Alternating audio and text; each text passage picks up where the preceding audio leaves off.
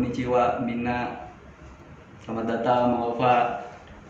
Terima kasih udah diundang. Iya dong, diundang dong. Bang apa bro? Bro dong. Ah, siap. siap bro Deva. Gimana kabar bang? Kabar bikhair alhamdulillah. Mantap. Sekarang lagi kegiatan apa nih hari-hari? Saya kegiatan sehari-hari sama tim ngembangin spektograph. Oh, spektograph. Spektograph itu apa sih? Spektograph itu mulanya kita analisis pembicaraan orang. Semakin ke sini semakin berkembang ke tidak hanya analisis pembicaraan pidato tapi ya pembicaraan di rapat, Hmm. pembicaraan di zoom, Di podcast juga bisa berarti? podcast bisa. Berarti atau atau non pembicaraan chat, Oh, chat, via chat. chat medsos. gitu. Itu lebih ke lebih ke mana sih maksudnya ng- nganalisisnya gitu? Waduh, belum belum udah berat ya. Habis langsung langsung awal-awal spektograph. Oke. Apa kayak kita next kuliah dulu apa ya? Dulu apa? Oh gitu.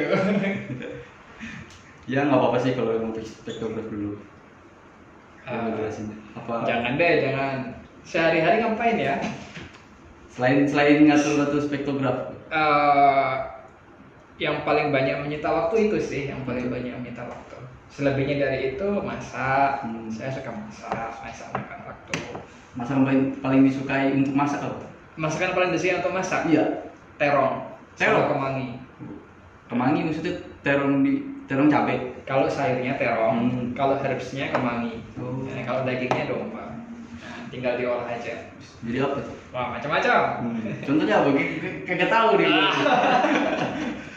Contohnya nih terong dibakar, Hmm. dibuat opor, tapi terongnya dibakar, Hmm. dikasih kemangi saat sebelum matang. Opor aja biasa, tapi ada terong bakarnya. Nah itu terong bakar ada aromanya kan, kemangi juga ada aromanya kan. Nah itu harum, enak Hmm. dan khas. Tapi saya nggak boleh ngomongin, maksudnya saya belum nyobain. Oh ntar gampang. Berarti harus dibawa ke sini nih. Oh iya bisa. Sebenarnya eh, kuliah kuliah di mana, Pak? Eh, S S satunya? S1 di Universitas Erlangga. Oh, Erlangga. Gimana itu? Nggak tahu Erlangga mana? Nah, Erlangga Surabaya. Oh, Surabaya. Surabaya. Tapi dengar-dengar S2 di Prancis. S2 di Prancis Oh. ya. S2 di Prancis. Jurusan apa? Nanoteknologi. Di di di Prancis mana? Di Paris kah? Di Lyon. Di Lyon. Nggak tahu sepak bola doang. Iya. Atau nggak kopi Lyon. Hah? Kopi Lyon, ada kopi Lyon. Kopi Lyon. Wah, nggak tahu kopi Lyon. Kopi-kopi orang-orang Bogor biasanya Lyon. Oh. Oh, saya taunya teh. Oh, teh, teh Lyon. Dan Lyon teh. Nah, liang teh juga ada. Liang teh. Eh, liang teh. Cida dong liang teh. Tapi eh, kenapa sih lebih memilih di Prancis gitu? Eh, kan saya dulu kuliah S1 Hmm. molor, Bro. Molor aktivis lah ya. Iya. Ke- Kegiatan organisasi banyak. Jadi eh, kecapean kalau untuk belajar. Molor, molor, molor saat ketika teman-teman udah mulai pada lulus, Hmm. Eh, saya itu menantikan yang namanya ngerjain proposal. Proposal skripsi. Proposal skripsi baru udah pada lulus mayoritas orang baru ngerjain proposal. eh, aku bisa proposal. Setelah proposal skripsi itu seneng banget. Belum lulus itu Belum lulus. Hmm, masa paling seneng itu ketika Padahal baru baru proposal doang. Hmm, belum, belum kelar itu. Belum kelar. baru ambil itu udah seneng. Bahwa aku udah bisa mau kayak temen-temen yang udah lulus gitu. Ya justru justru apa jadi rajinnya itu pas ketika ambil skripsi ingin lulus kayak teman-teman juga karena ngerasa sepi di kampus. Ada pada lulus semua ya. Iya. Ada syukur jadi itu. Itu terus kan skripsi, skripsi ngerjain dengan sungguh-sungguh. Ketagihan jadinya. Mau jadi menerus lagi. Hmm, ketagihan mau terus lagi mau terus ngerjain skripsi itu. Kebetulan pembimbing itu kan alumni Eropa juga. Alumni Eropa juga disaranin eh nggak disaranin sama sekali tapi diceritakan lah dibuka wawasan. Di Eropa itu di Prancisnya itu. Hmm, dia di Belgia. Oh, di Belgia. juga salah satu negara yang penutur pakai bahasa Perancis juga. Ada dekat kebudayaan lah. Itu ceritanya. Jadi kan Hmm. apa jadi mulai ambisi di situ ketika ngerjain skripsi. Oh, jadi Nah, kenapa kok Prancis? Karena itu. Hmm. Tapi awal mulanya maksudnya gimana tuh? Kok bisa lebih memilih Prancis gitu kan? Apa lewat jalur beasiswa kah? Beasiswa Beasiswa apa ya? Beasiswa pemerintah Prancis. Oh pemerintah Prancis. Berarti bukan dari LPDP? Bukan dari LPDP karena dia aktivis, kuliah molor, BK jelek. Iya. ya. Ah, gitulah ya. Berarti kayak masuk ini ya, kayak masuk eh, kayak pengembangan budaya gitu di Pra- eh, di Indonesia Prancis enggak? Eh, enggak pengembangan masa depan kota tersebut. Hmm. provinsi tersebut.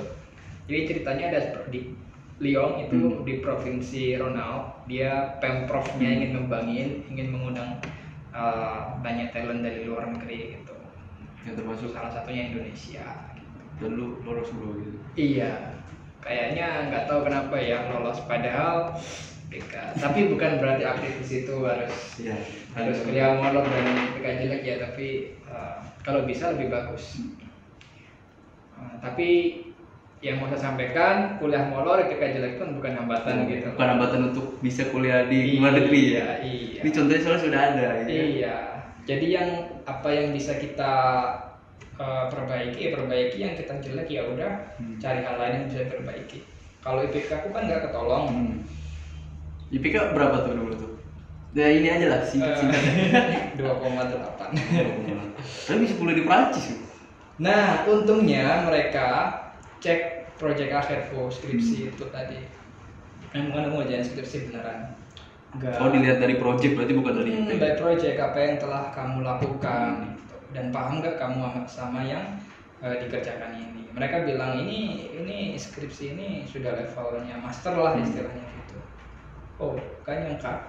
jadi bisa jadi dilihat dari sana gitu Hmm, dilihat dari situ. Jadi kata mereka kalau mau ambil mahasiswa internasional, sistem penilaian di seluruh negara kan beda-beda. Ya. Angka di ini belum tentu di sama di sana, Nah, sama. Jadi Sistemnya mendingan wawancara aja ditanya, lu ngerjain apa ditanya. Kalau dia paham pasti bisa jawab gitu kan. Hmm. Coba jawab. Oh, alhamdulillah fair kan mereka kan, nggak ngeliat mereka aku. Enak enggak ya. Tapi kehidupan di sana seperti apa itu bang? Eh, shock lah pertama. shock Shock pertama. nggak salju shock ya? Oh, pertama ngeliat salju kayak anak kecil dapat mainan. Jadi aku di bis pertama ngeliat salju, terus salju turun, berhenti di pem- di halte terdekat untuk buat main salju? kan biasa biasa di Indonesia hujan kan? Biasa lihat hujan di salju. Iya, atau enggak ini hujan es batu? Ini suatu. Maksudku aku mau video kan gitu, mau gak bungkus? belum mencair. Ya. pakai pakai ini aja kulkas itu aja salju kulkas. Yang di freezer itu Nah, bawa sirup, tuangin, nah, jadi es. Lu- itu dibawa sendiri itu Enggak, ada. Gak dikirain bener gitu saking lihatnya dibawa sendiri gitu. Itu sih uh, shock shock culture tapi overall asik karena uh, pengalaman sih baru tantangan baru. Tiga tahun di sana. Oh tiga tahun? Tiga tahun. berarti S2 di sana enggak enggak dua tahun? Dua tahun. Hmm. kayak tahun Setahun. ketiga pindah kota untuk Oh. kerja nah karena masa juga lah hmm. saya di tahun terakhir bisa dapat kerja itu. Oh jadi masak? Gitu hmm, karena hobi masak itu. Masak apa di sana? Masak ciri khas Indonesia apa benar ciri khas masak ciri khas Indonesia dong dan respon orang sana seperti apa itu Nah, seneng kah apa gimana uh, sebenarnya Indonesia itu kalau orang luar tahunya ya kan kita tuh Hmm. negara tropis seperti paradise summer paradise impian orang lah Hmm. terkenal rempah-rempahnya makanannya itu aja yang kita manfaatkan branding enak enak enak nah ceritanya ada open house Hmm. nih perusahaan buka perusahaan perusahaan apa itu perusahaan makanan CEA Komisariat Energi Atom kalau di sini PLN oh PLN PLN ya Nah, cuman kan eh, mereka 75% lebih energi dari nuklir dari atom. Hmm. Jadi CEA-nya, atomnya itu PLN-nya sebagai pemain listrik. Di perusahaan di, di situ mereka open house. Aku cari orang yang paling sepi kan, Hmm. atau unit yang paling sepi. Yang lain pada banyak yang masuk dengan melihat unit ini, unit ini. Unit paling sepi, cuman ada empat pengantri kalau nggak salah. Aku di antrian yang kelima paling belakang. Setelah semua selesai, aku sama orang itu supaya lebih lost Hmm. kalau ngobrol itu. lebih enak ya. Dan di hari open house pasti kan orang kalau lihat CV kan nggak bakal dibaca kan skimming aja gitu. Dengan sengaja saya terus di yang paling bawah itu hobi memasak. Bagi saya sangat sulit menolak ajakan untuk masak bersama atau makan bersama. Di skimming gitu seret. clickbaitnya begitu ya itu ya Clickbait clickbait ya itu di akhir tapi orang skimming kan awal akhir Iya. Kalau awal pasti nama terus kan. Hmm. Zut, itu CV. CV satu lembar doang aja satu. Karena kalau di momen gitu kan dua lembar nggak mungkin dibaca lembar kedua atau lembarnya bawa bawa hal-hal yang ya bergantung lah ya kalau kita memang niat menaruh itu berarti kita harus di yang paling akhir setelah ngerasa oh orang terakhir nih aku bisa gak nyantai ternyata obrolannya masakan terus dia langsung nyombongin Prancis lah kan Hmm. Iya Prancis kan terkenal tuh masakan-masakannya. ah dia bilang Prancis tuh masakan enak gitu dia bilang gitu Sampai sampai salah satu anime One Piece kan si Sanji itu kan adaptasinya dari Prancis. gitu ya Iya. Heeh. Karena jago masak kan. Nah, iya. Dia bilang kita makan eh, jeroan bebek, Hmm. kita makan usus, bekecot, lidah, di, Lidah lidah sapi. lidah sapi. Lidah sapi yang jadi sini jadi sate padang. Iya, di negara Eropa lain kan enggak. Enggak. Paling di Indonesia, Cina, ya kan? Hmm. Gitu. Jadi dia me- seperti membanggakan enaknya masakan, terus eh, bekecot itu ya. Siapa orang sini Eropa yang bisa makan bekecot? Cuma orang paling saja dan kita kalau mengolah itu enak banget bekecotnya. Kapan-kapan saya bawa kakak. Oh, ini iya. tanda-tanda ya, Iya, tanda-tanda iya. diterima. kan teman diterima ya. nah, pas bilang gitu saya bilang, Pak kalau kita di Indonesia itu bahkan ada crackers dari bekecot loh. Hmm. Dan membuat dia shock ya. Iya, keripik, keripik bekecot. Masa iya. Menarik ya. Baru dia mengungkapkan sebenarnya saya pernah ke Indonesia Hmm. Karena bapak saya pernah kerja di Total dulu dan itu makanannya enak. Oke, selesai semua. Terus eh, kan saya paling terakhir dianterin ke stasiun kereta. Nah, karena aku pindah kota ceritanya dianterin ke stasiun kereta, dianterin pas setelah keluar setelah dari mobil. Nanti kamu aku hubungkan itu hari Jumat. Ya. Ah, Oh, apa saja itu pendaftarannya di Jumat? Ah, menjelang weekend. Hmm. Aku hubungi ya, Pak, eh, hasil seleksinya. Nanti sebelum Senin udah ada keputusan kamu join atau enggak. Hmm. Eh, kereta belum datang, dia udah email saya lewat HP-nya kayaknya. Aufa, eh, selamat bergabung di tim kami, tapi syaratnya masakan dulu masakan Indonesia for a good memory purpose. Wih. Deal tanda tanya. Deal. Masakan pertama apa tuh ya? Nasi Padang. Nasi Padang. Paling disukai ya atau gimana? Bumbunya strong. Oh, bumbunya strong. Sama nasi uduk. Nasi uduk. Nah, aduh panjang cerita. Jangan makanan terus lah panjang bisa bisa bisa Tapi habis. belum belum ini kan? bisa habis ntar jangan. Kan namanya cerita hobi itu nggak ada Iya, habisnya. betul. Nanti aku mau cerita yang nasi padang gimana, nasi uduk gimana panjang ntar. Iya iya. Tapi Iya, kalau iya. eh, back lagi deh ke spektrograf itu eh, spektrograf itu lebih detailingnya lebih ke mana gitu? Maksudnya kan hanya dari dari tadi kan chat gitu. Misalkan tadi eh, via chat gitu kan. Hmm. Itu via chatnya seperti apa itu? Maksudnya kayak bisa ini Mm-mm. bisa menilai gitu. Nah, basicnya pertama kita mengembangkan spektrograf itu saya waktu balik ke Indonesia Hmm. bulan November itu momen di mana Indonesia sedang obrolan ya obrolan medsosnya sedang ngomongin tentang pilpres Hmm. tentang calon Indonesia maju atau Indonesia menang ya Iya. Indonesia maju atau Indonesia menang setiap hari dan jadi ada ide ketika orang eh, narasumber meskipun ahli pun diundang di TV dia selalu bilang eh, calon ini lebih kuat dan lebih kuat nggak pernah ada ukurannya nah saya sebagai orang eksak sebagai data scientist ingin supaya bagaimana kalau eh, obrolan tentang eh, calon mana yang lebih baik menguasai Diukur pakai itu. ada ada alat ukurnya, ada ukurannya gitu. Nah, saya buat untuk pidato itu sebenarnya kan bisa diukur. Hmm. Sebenarnya bisa diukur. Nah, eh, caranya, nah ini yang aku harap bisa eh, bisa ditiru teman-teman lain ya.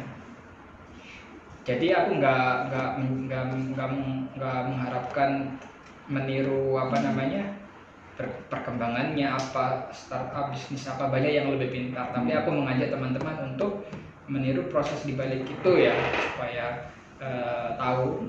Jadi kita menggabungkan NLP kalau yang tahu komputer ya natural language processing bagaimana komputer memahami bahasa Oh, natural. natural. nah itu satu. Nah komputasi dua tata bahasa linguistik. Hmm. Oh, linguistiknya ya juga tuh. titik koma ini frase apa gitu. Yang terakhir yang paling penting psikologi. Namanya psikometri psikometri itu bidang ilmu dari psikologi yang paling nggak sosial, yang paling mendekati eksak. Oh jadi jadi menipir-menipir. Nah, di psikometrinya itu harus dengan ukuran-ukuran, di NLP-nya itu eksak yang untuk memahami bahasa. Jadi digabung gitu. Nah, itu peran anak muda di situ menurutku ya. Hmm. Kalau orang yang udah eh, akademisi, yang sudah terbangun rapi, itu nggak bisa berpikiran liar. Iya. Bisa, cuman mungkin kurang apa ya? Kurang Kurang- kurang berani, kurang inilah. Kalau kita masih masih bebas kan. Hmm. Nah, se- sebenarnya inovasi yang lahir belakangan ini itu karena kawin silang ilmu-ilmu itu, disiplin ilmu itu dikawin silangkan. Jadi dikolaborasikan. Iya. Biologi sama fisika jadi biofisika. Iya. Sampai situ kurang, harus Harus digabung lagi. Nah, lebih lagi sama IT. Jadi drug delivery bagaimana mengantarkan obat Hmm. Ke target kanker selnya dengan teknologi biologi, kimia, fisika, komputer. Luar biasa. Nah, itu sebenarnya perkembangan teknologi sekarang itu di apa kuncinya ngawin-ngawin ya itu harus bisa berpikiran kreatif. Nah, sekarang yang orang yang paling bisa kreatif dan adaptif terhadap masalah kan ya seusaha kita ini Iya. yang udah mohon maaf yang udah terstruktur di apa gitu kan ya sudah pakem nggak bisa jadi uh, seusia kita anak muda lah yang bisa Yang harus berubah ya. nggak berubah kreatif Kreatif, bergerak, ya. adaptif ah. kreatif adaptif gitu. Gak ngerti banget sumpah pusing. Lu lulusan Perancis ya beda ya. Udah, analogi makanan bisa diceritakan dengan makanan Ya, loh bisa bisa di, bisa di ini bisa digabungin spektrum Bi- berapa itu dari makanan. bisa bisa Bisa diibaratkan makanan iya bisa diibaratkan makanan Contohnya gimana? contoh bakso di Indonesia Bakso di Indonesia. bakso bakpao Hmm. bakmi Mie, Bak dan itu artinya. mie ayam. Mie ayam beda. enggak tadi browsing bak itu artinya apa nah jadi sebenarnya bakso sendiri itu udah perkawinan dari kalau kalau kuliner itu adalah kalau khazanah kuliner itu adalah ilmu pengetahuan ya kan sebenarnya itu bisa di, Hmm. bisa dibilang ilmu karena ada klasifikasinya itu kalau ka- kalau khazanah kuliner itu ilmu bakso itu sudah produk kawin silang ilmu. silang itu tadi. iya Dari cilok mungkin ya. Mm-mm. di apa apa jajan cilok itu kolaborasi dari bakso? cilok itu turunan bakso turunan bakso berarti. turunan bakso Berarti hasil kolaborasi dari yang lain Cina dari Cina. Eropa sama Indonesia. Indonesia. arifan lokal Indonesia. Jadi lah cilok bakso. Hmm, agak naik dari Indonesia, Malaysia agak beda. Angkanya dari Malaysia, Vietnam agak beda. Vietnam pun Vietnam Selatan yang dekat sama Hmm. ASEAN sama Vietnam Utara yang dekat sama Cina, Utara beda. Beda ciri Beda khas makanan. kayak bakso. Oh baksonya, jenis baksonya. Eh, bukan nggak ada bakso di sana ya, tapi Mungkin tipe tipe ya. Tipe Tapi mungkin namanya juga bukan bakso. Bukan bakso. Bukan bakso juga. tapi sop yang kuahnya kaldu, ada minyak, ada sayuran bawangnya hijau, Hmm. ada eh, meatball, ada daging berbentuk Iya. bulat, Kalau dia bahasanya meatball ya. ada di Eropa. bulat. Di Eropa ya. Meatball. Nah, kalau di Vietnam namanya pho. Hmm. Pho, pho selatan itu lebih mirip pho Asia Tenggara Indonesia gitu. Maksudnya bakso yang mie-nya banyak, kuahnya Hmm. banyak, Sayurannya banyak. Digabung, ada modelnya ada lalapan, ada lalapan. Iya. Jadi di sampingnya Oh, itu ada lalapan. Hmm, kan Indonesia Iya, kan. Iya iya. Di sampingnya itu ada sayuran yang bisa ambil-ambil Hmm. sendiri. Nah, kalau di utara lebih mirip Cina. Hmm. Gitu Kayak- loh, jadi- ini ya. Nah, nah, tak ibaratkan sama inovasi di bidang kuliner itu sama di bidang ilmu pengetahuan. Kalau Bisa bisa bisa sejalan ya. iya bisa. Ini ngomong dari ngomongin spektograf pusing, Iya, ngomongin makanan lapar. Iya. Kalau cerita makanan Kayak asik gitu makanya. Ini harus harus dibawa bro. mau Mau dong, buatan sendiri kalau bisa Oh dibawa. iya siap siap. Spektrografi itu mengukur agak serius nggak makanan nih. agak serius. Spektrograf mengukur pembicaraan orang itu cover topik ini Hmm. seberapa, topik B seberapa, topik C seberapa. Terus kepercayaan diri dia, Hmm. terus berbasis data seberapa, terus eh, lugasnya Hmm. seberapa, gitu. Nah, eh, pas pas Pak Jokowi marah-marah, Iya. boleh sebut Nggak apa-apa, bebas tuh. narasi TV Hmm. itu kerjasama dengan semacam ya ibaratnya salah satu inilah eh, itulah. pioner eh, face recognition di Spanyol. Jadi dia menilai wajah orang, emosinya seberapa. Ini sad, ini sedih, Hmm. putus asa. Jadi bisa diukur marah. ya dari wajahnya. narasi TV itu ketika Jokowi marah itu dia uh, kerjasama dengan uh, salah satu startup Spanyol untuk me- membaca, Membaca wajah muka Pak Jokowi. Jokowi saat marah itu. Nah, kalau spektograf Hmm. saat ini hanya Kata-kata aja. kata-kata. Sudah sejak awal didirikan dulu kita berharap akan ke sana. Hmm. Ya, Jadi mau lebih kita- menilai Uh, si wajahnya. visual juga nggak hanya audio Hmm. kan tapi visual juga cuman karena kita tim kecil jadi kita Kalau kalau di, kalau di Eropa emang timnya sudah besar apa gimana? Apa Yang- dia yang emang itu. berbasis perusahaan? yang di Spanyol Yang di Spanyol tadi. ya sama-sama narasi Hmm. TV udah tim besar Hmm. Eh, Udah udah kayak cabang besar lah ya. hmm, nah aku uh, spektograf akan akan akan ke sana visual juga gitu. Dan itu biasanya kalau spektograf itu kan selain tadi apa bisa membaca komunikasi dari sekolah gitu, apa gimana? Bisa nggak sih? maksudnya Interaksi di di lingkungan gitu, atau nggak di sekolah bisa dihitung Antara? antara guru dan murid misalnya. nggak bisa Nggak bisa juga. Nggak bisa. Maksudnya interaksinya gitu. Kayak bisa bisa, bisa jadi penilaian juga nggak sih bisa? Penilaian ini oh guru-guru ini bagus nih buat ngajar. Karena ininya linguisnya tadi kan. Tadi guru kan dihitung linguisnya juga. oh nggak bisa sih Nggak bisa juga. karena kita lebih ke satu satu person yang Hmm. memang itu jadi Iya maksudnya misalkan eh, jadi satu guru nih misalkan nih itu daftar gitu kan. Mau jadi sekolah dia ngajar di mana gitu kan. Di di SMA negeri atau di mana. Bisa nggak sih diukur dari itu? Misalkan nih guru ngajarnya begini nih oh berarti pakai spektograf itu gitu tadi linguisnya tadi apa lagi sih? Bisa kalau mau cuman nggak proporsional lah Hmm. kira karena mungkin yang membantu itu mungkin seleksi seleksi wawancara ya. Oh seleksi wawancara Seleksi interview interview wawancara gitu. 100 ribu orang misal. Hmm. nggak mungkin seorang psikolog harus bertatap muka dengan Iya. 100 ribu orang mungkin itu bisa diserahkan dengan model seperti Hmm. startup Spanyol tadi oh visualnya bahasanya itu nanti si psikolognya tinggal menilai berdasarkan kisi-kisi yang diberikan oleh kalau tadi spektograf tadi startup Spanyol tadi oh, jadi karena nggak mungkin eh, kan dia eh, bertemu 100 iya. ribu orang kan jadi Jadi, biar patokan dasar lah ya Iya, biar dia wawancara online Hmm. gitu. Tapi juga dinilai kepribadian psikologinya lah. Hmm. Ya, seolah-olah ada seorang psikolog di balik kamera gitu. Itu mungkin yang bisa membantu. Eh, spektograf itu isinya apa anak-anak muda Anak-anak muda Anak semua. semua muda semua Udah semua.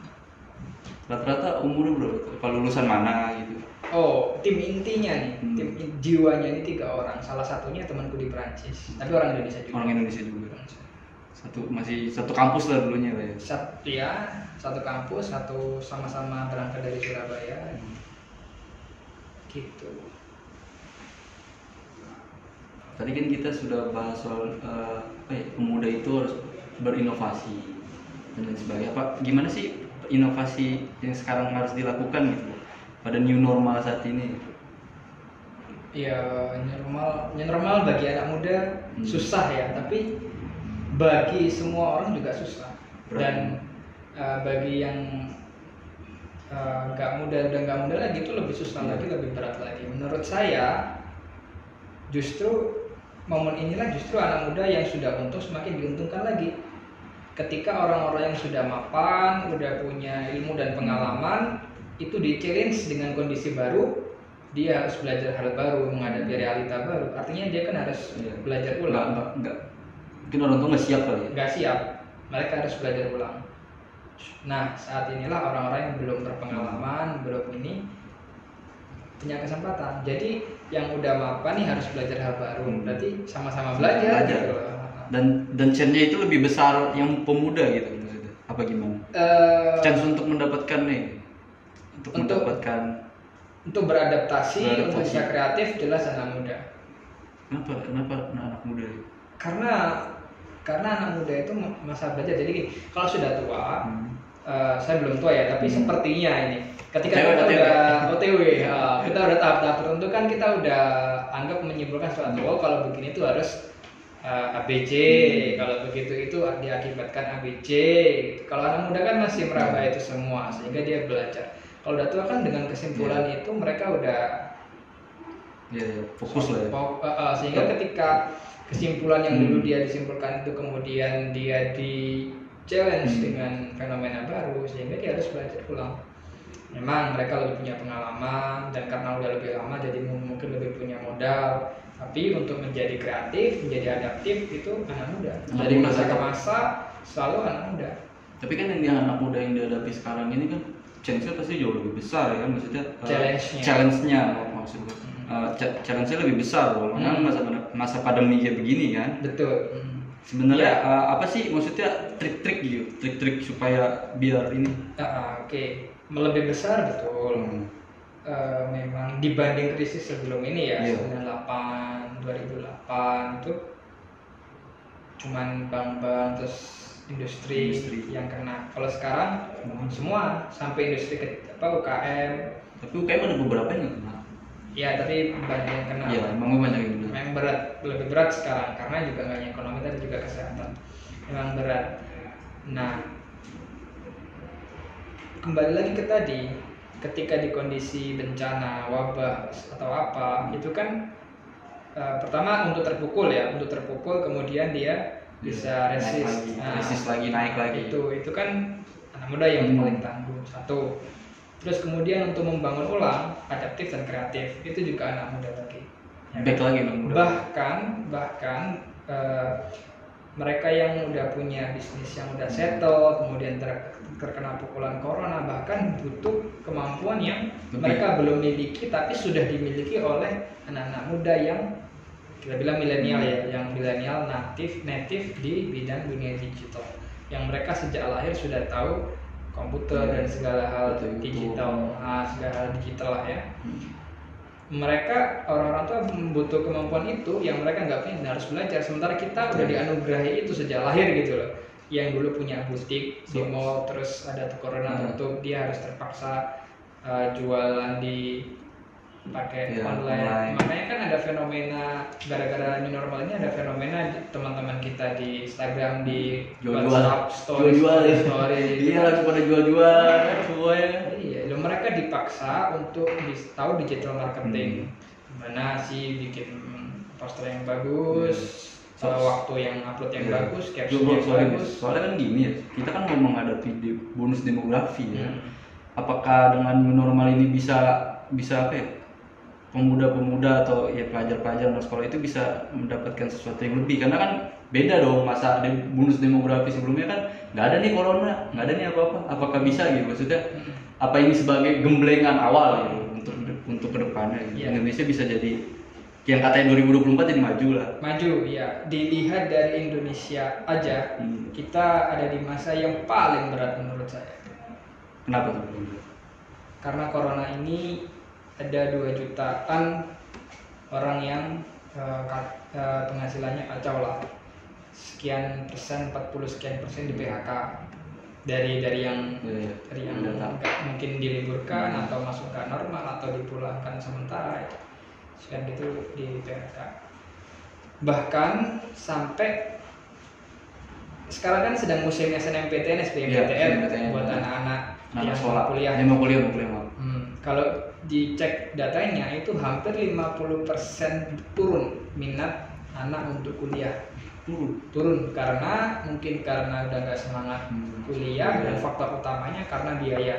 Karena biaya karena orang tuanya itu eh, merasa eh, susah biaya jadi nggak usah daftar SNMPTN nggak usah daftar SBMPTN lah kerja mau kerja kerja apa juga tapi daripada daftar SNMPTN UKT banyak gitu kan Hmm.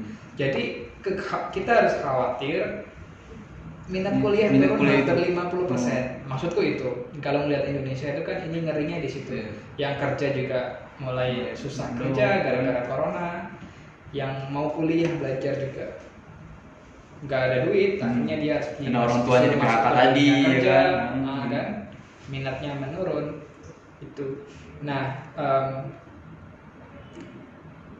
jadi sebagai sebagai anak muda sebagai organisasi pelajar saya aktif di uh, lingkungan pelajar. Tugas saya untuk di lingkungan pelajar dan teman-teman semua juga harus memotivasi itu. Jadi jangan sampai uh, mem- apa, bencana ini membuat kita putus asa. Nah, soalnya kan kita harus mem- memberikan informasi yang bermanfaat buat mereka. Misalnya yes, carikan info beasiswa, KIP kuliah misalnya, atau KIP sekolah kalau nggak kuliah misalnya, atau LPDP kalau beasiswa. Buat yang udah ngerti, buat yang punya biasa menggunakan internet, cara cari data, ya dibantu, dibantu disemangati. Banyak kok sebenarnya eh, kompensasi dari ini semua itu. Jadi eh, jangan sampai peluang bonus demografi Jadi- ke depan itu nggak dimanfaatkan dengan nggak dimanfaatkan buat pada saat ini Memang ada tantangan. Hmm. Lebih jelas- berat nih tantangan ini? Ada tantangan berat. Berat Tapi banget. jangan sampai kesempatan ini nggak kita manfaatkan. Hmm. Karena itu nggak tadi ngomong Indonesia aja. Kalau ngelihat global, globally, nah Indonesia masih tetap diuntungkan karena eh, sebagai negara yang sebagai negara yang sedang berkembang ya. Hmm. Kalau negara udah maju kena ini, kena corona, dia akan didekati oleh negara yang berkembang gitu. Hmm. Nah, sebagai negara maju, apalagi dengan bonus demografi, nah itu kalau ngomong dunia ya, Indonesia akan lebih memiliki daya saing. Lebih Ka- kuat, ka- ya. Kalau bisa memanfaatkan eh, bonus demografi ini dengan baik. Hmm. Soalnya kan Jadi- juga corona ini kan maksudnya kan persentasenya kecil lah untuk anak muda itu kena ya. Eh, iya, Kecil kan. dari dari tuh- segi kesehatan, dari Enggak, segi- iya, dari tapi segi kan medis dari ya. segi ekonomi, dari Iya segi sih. Berdampak karena karena orang tuanya ya. Ah, iya.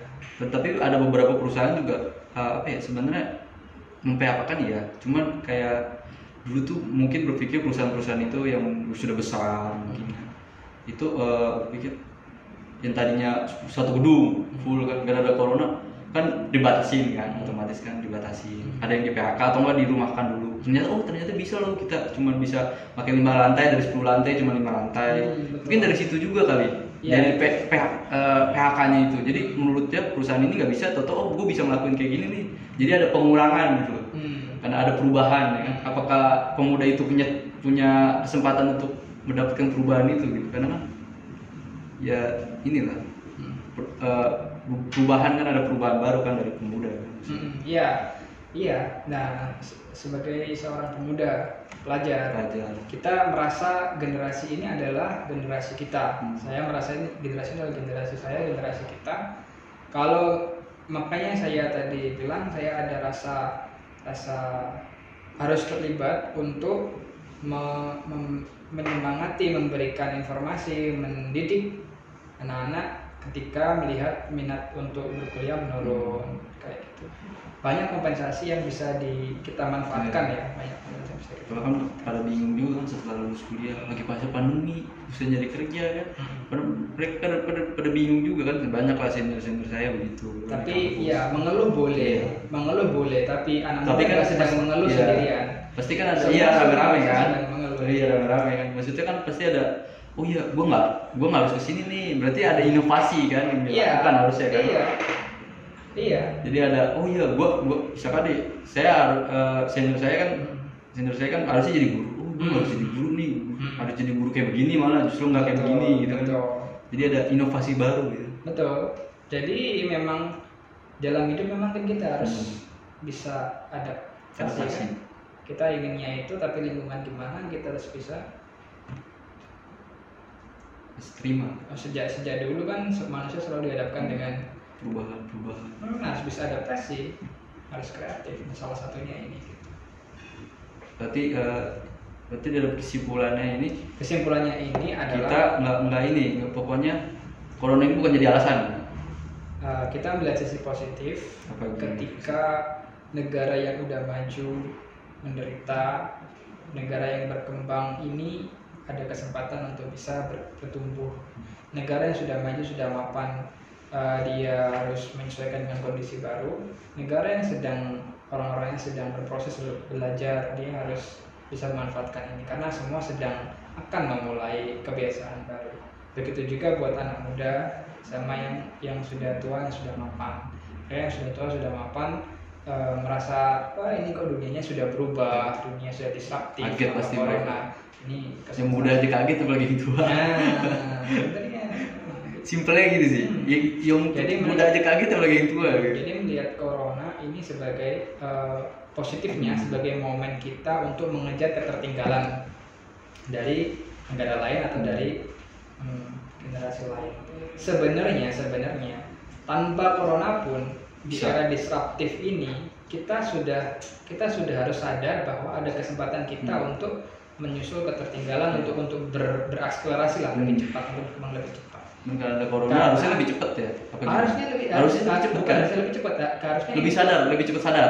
Harusnya kita harusnya kita bisa me- me- me- menyusul ketertinggalan. Kalau Hmm. kalau kita merasa merasa banyak yang belum kita bisa masih merasa belum punya pengalaman ya itu harusnya dengan corona. Karena tanpa corona pun ya 2025 itu diprediksi 45% seluruh tenaga kerja di dunia harus belajar hal baru World Economic harus belajar. Harus belajar skill baru nah ketika ketika orang-orang yang udah kerja udah mapan harus belajar skill baru berarti kan sama aja Hmm. mereka sedang mulai belajar tanpa corona itu ya sebelum ada corona Hmm. udah ada World Economic Forum udah memprediksi di era disruptif ini orang-orang yang udah kerja pun harus memang harus mempelajari skill baru. skill baru Heeh. jadi yang masih baru belajar ada kesempatan untuk Hmm. apply juga jadi eh, apalagi ada corona Hmm. Sisi positifnya lebih cepat di- lagi kan tadi perkembangannya tadi kan. Yang tadi mungkin 2025 mungkin 2021 lebih cepat Hmm, kan. hmm. Karena ada corona. Mm-mm. Terus saya juga mengajak pemuda dan pelajar Indonesia supaya lebih melihat global ya, Hmm. global. Kita ada advent, ada keuntungan untuk bisa bersaing dunia global. Jangan jangan liga liga lokal mulu. Jangan liga lokal. Kayak liga champion gitu kan. Eh, tidak hanya mencari pendidikan di luar negeri, mencari kerja pun Bisa. bisa kita negeri. Jangan, tapi kita kembang putuskan skill set apa yang yang kita inginkan dan kita ingin Dan bawa ke Indonesia. kita pelajari lalu jika sudah bisa Bawa ke Indonesia. Kalau untuk kerja bisa di mana aja, nggak harus di Indonesia. Iya. Tapi sebenarnya kalau dapat ilmu harus dibawa ke Indonesia kayak lo bro gitu kan. Oh siap. Jadi ilmu dapat dari Prancis, dibawa ke Dibawa Indonesia ke jadi fotografer Di bawah ke forum ke forum podcast. ini podcast. Mungkin kalau nggak ada kalau nggak ada corona nih podcast nggak ada ya. Oh gitu ya? Mungkin. Iya. Iya. Akhirnya kita cari-cari cara Iya, ngapain. ya Iya. kan? Gabut juga Iya kan? Nah, ini salah satu produk dari corona. dari corona. Oke, kita udah panjang-panjang banget nih bro, pokoknya you are the best lah. Wah, the best lah lu.